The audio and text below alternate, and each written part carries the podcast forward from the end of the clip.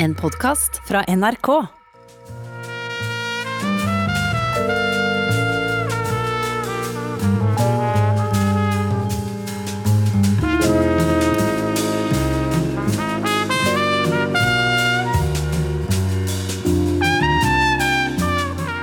Nils Petter Molvær er en av de mest kjente norske jazzmusikerne.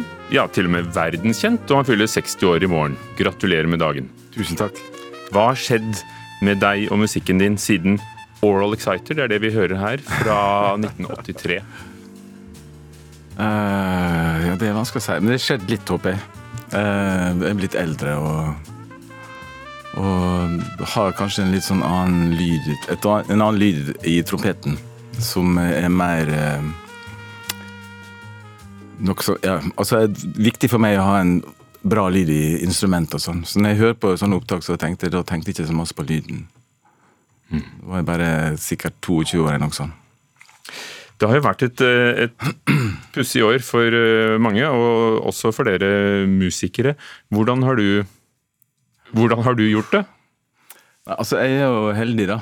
For jeg har et eh, AS, så jeg skjønte jo veldig fort at det Altså at dette her blir veldig, veldig problematisk. Så jeg permitterte meg sjøl, da. Um, så jeg får hjelp fra Nav og sånn. Men uh, altså Hvor skulle du ha vært de siste seks månedene? ja, det, Jeg skulle ha vært over hele hele verden, egentlig. Um, Sør-Amerika og uh, Europa. Ehm, altså Jeg tipper at jeg, jeg kan spille 5% av de konsertene som, som var planlagt. da. Også pluss alle de konsertene som, som ikke blir noe i forhold til den plateutgivelsen. Som eh, Vi skulle jo ut på en, en lanseringsturné, og den er jo fullstendig perforert. altså. Der er jo omtrent ingenting igjen. Så det er det er ganske håpløst. Jeg snakka med Bygge Wesseltoft. Han eh, tror jeg måtte eh, altså 40 jobber noe sånt som er forsvunnet. Så det er og Spesielt for de som jobber i utlandet, så er det veldig vanskelig. Da, for det at der, den støtta slår ikke inn på samme måten, tror jeg, når du har konserter i utlandet. Men for deg, Nils Petter Molvær, som har reist verden rundt siden du var eh, noen og 20 år, har kanskje det halvåret ført til noe annet? Ja, altså Man får jo veldig mye tid, da. Så jeg har vært masse med familien og sånn. Og, og du kan sitte i studio og øve, og du kan uh, gå tur i skogen og Men det du får til, er fire konserter på Nasjonal Jazzscene Victoria Ja. denne uken. I morgen på selve eh, dagen. Og da kanskje vi kan høre, for det er jo da på en måte lanseringen som du ikke fikk til, da. Ja, i Norge så er det lanseringa, ja. Og dette, hvis vi hørte noe av det første du gjorde i sted, med bandet Mascalero dette, er noe, dette er det aller siste du har gjort. Så er det litt forskjellig lyd i trompeten, kanskje.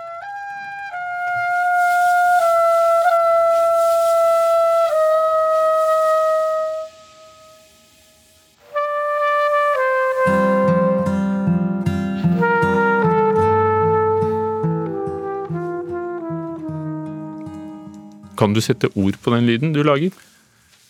Eh, jeg skulle egentlig overlatt det til andre, men det er vel at jeg ønsker vel nærmere at det skal være nærmere ei stemme eller ei fløyte eller et eller annet eh, Altså min stemme, da. Det er vel det nærmeste jeg kan komme, tror jeg. Du, du opptrer og har laget platen sammen med Mino Sinelo, fransk-karibisk eh, perkusjonist. Eh, Hva har dere funnet i hverandre når dere har jobbet sammen i fem år? Um, altså, vi møttes jo i 2015 uh, i Kappadokia i, i, uh, i Tyrkia. Uh, altså, det som vi har funnet i hverandre, er vel egentlig et sånn felles eh, eh, ønske om å gi hverandre rom eh, til å skape ting og, og på en måte um, pakke hverandre inn på en, på en fin måte og skape noe fint sammen. På tvers av eh, kultur og alt. Ja. Er du glad for de, de første 60 årene? Ja, jeg kan jo ikke annet. Jeg er veldig heldig. Så jeg har fått, eh, jeg har liksom eh, fått reist rundt, jeg har fått spilt med utrolig mange fantastisk flotte musikere og møtt veldig masse fine mennesker, og, og fæle mennesker også oppi hele greia. Sånn. Så det er en heldig gris, sånn sett.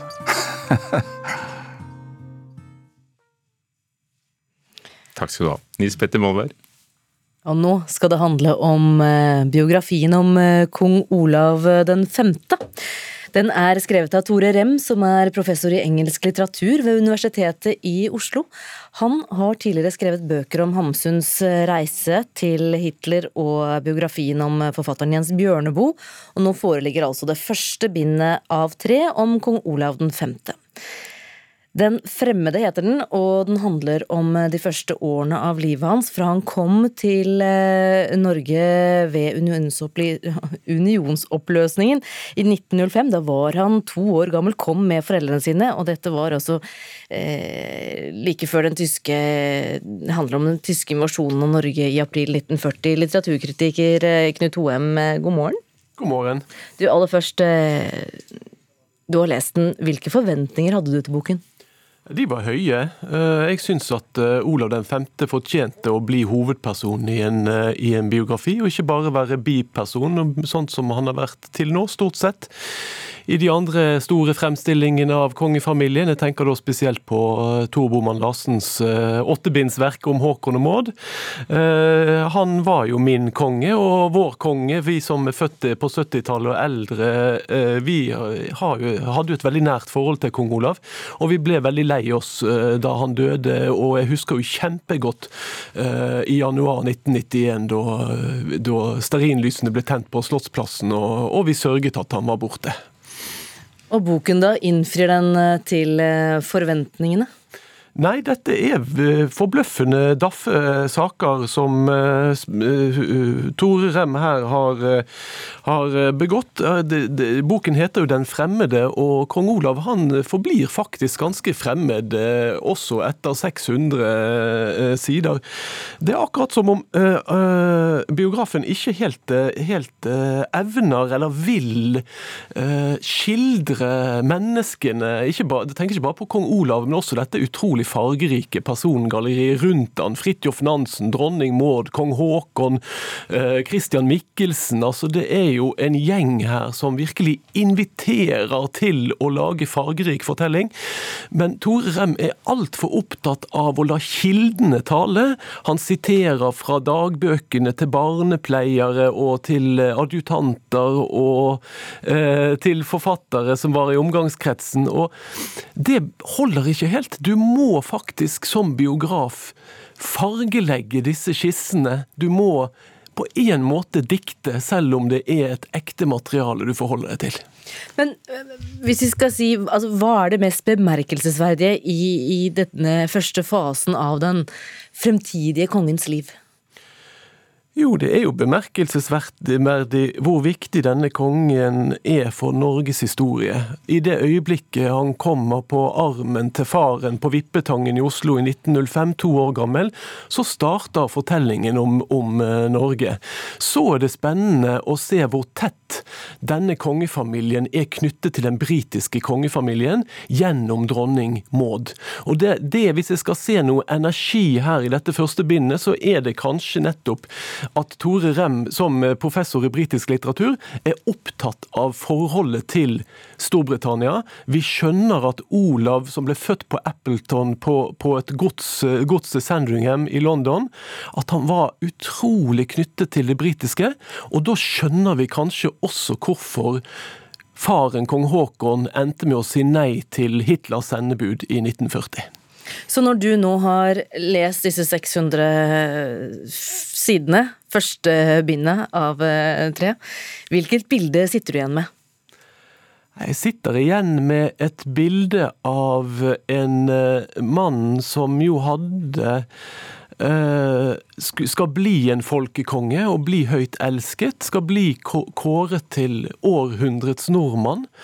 Men i denne tidlige fasen så er han litt på distanse. Han er liksom litt fremmed, og, og, jeg venter og håper jo på at når nå bind to kommer, og eh, den tyske invasjonen kommer i neste bind, at eh, Tore Rem begynner med det som man må gjøre, nemlig å skildre personene han skriver om.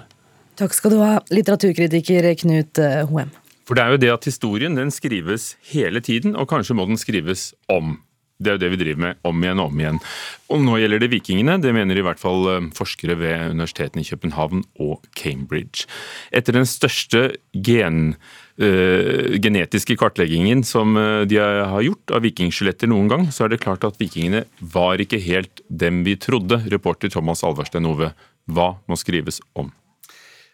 For det første så er, er det bildet vi har av vikingen i helt konkret betydning. Altså Høy, blond, staut krigertype. Det er feil. Vikinger var like gjerne mørke, både i håret og i huden.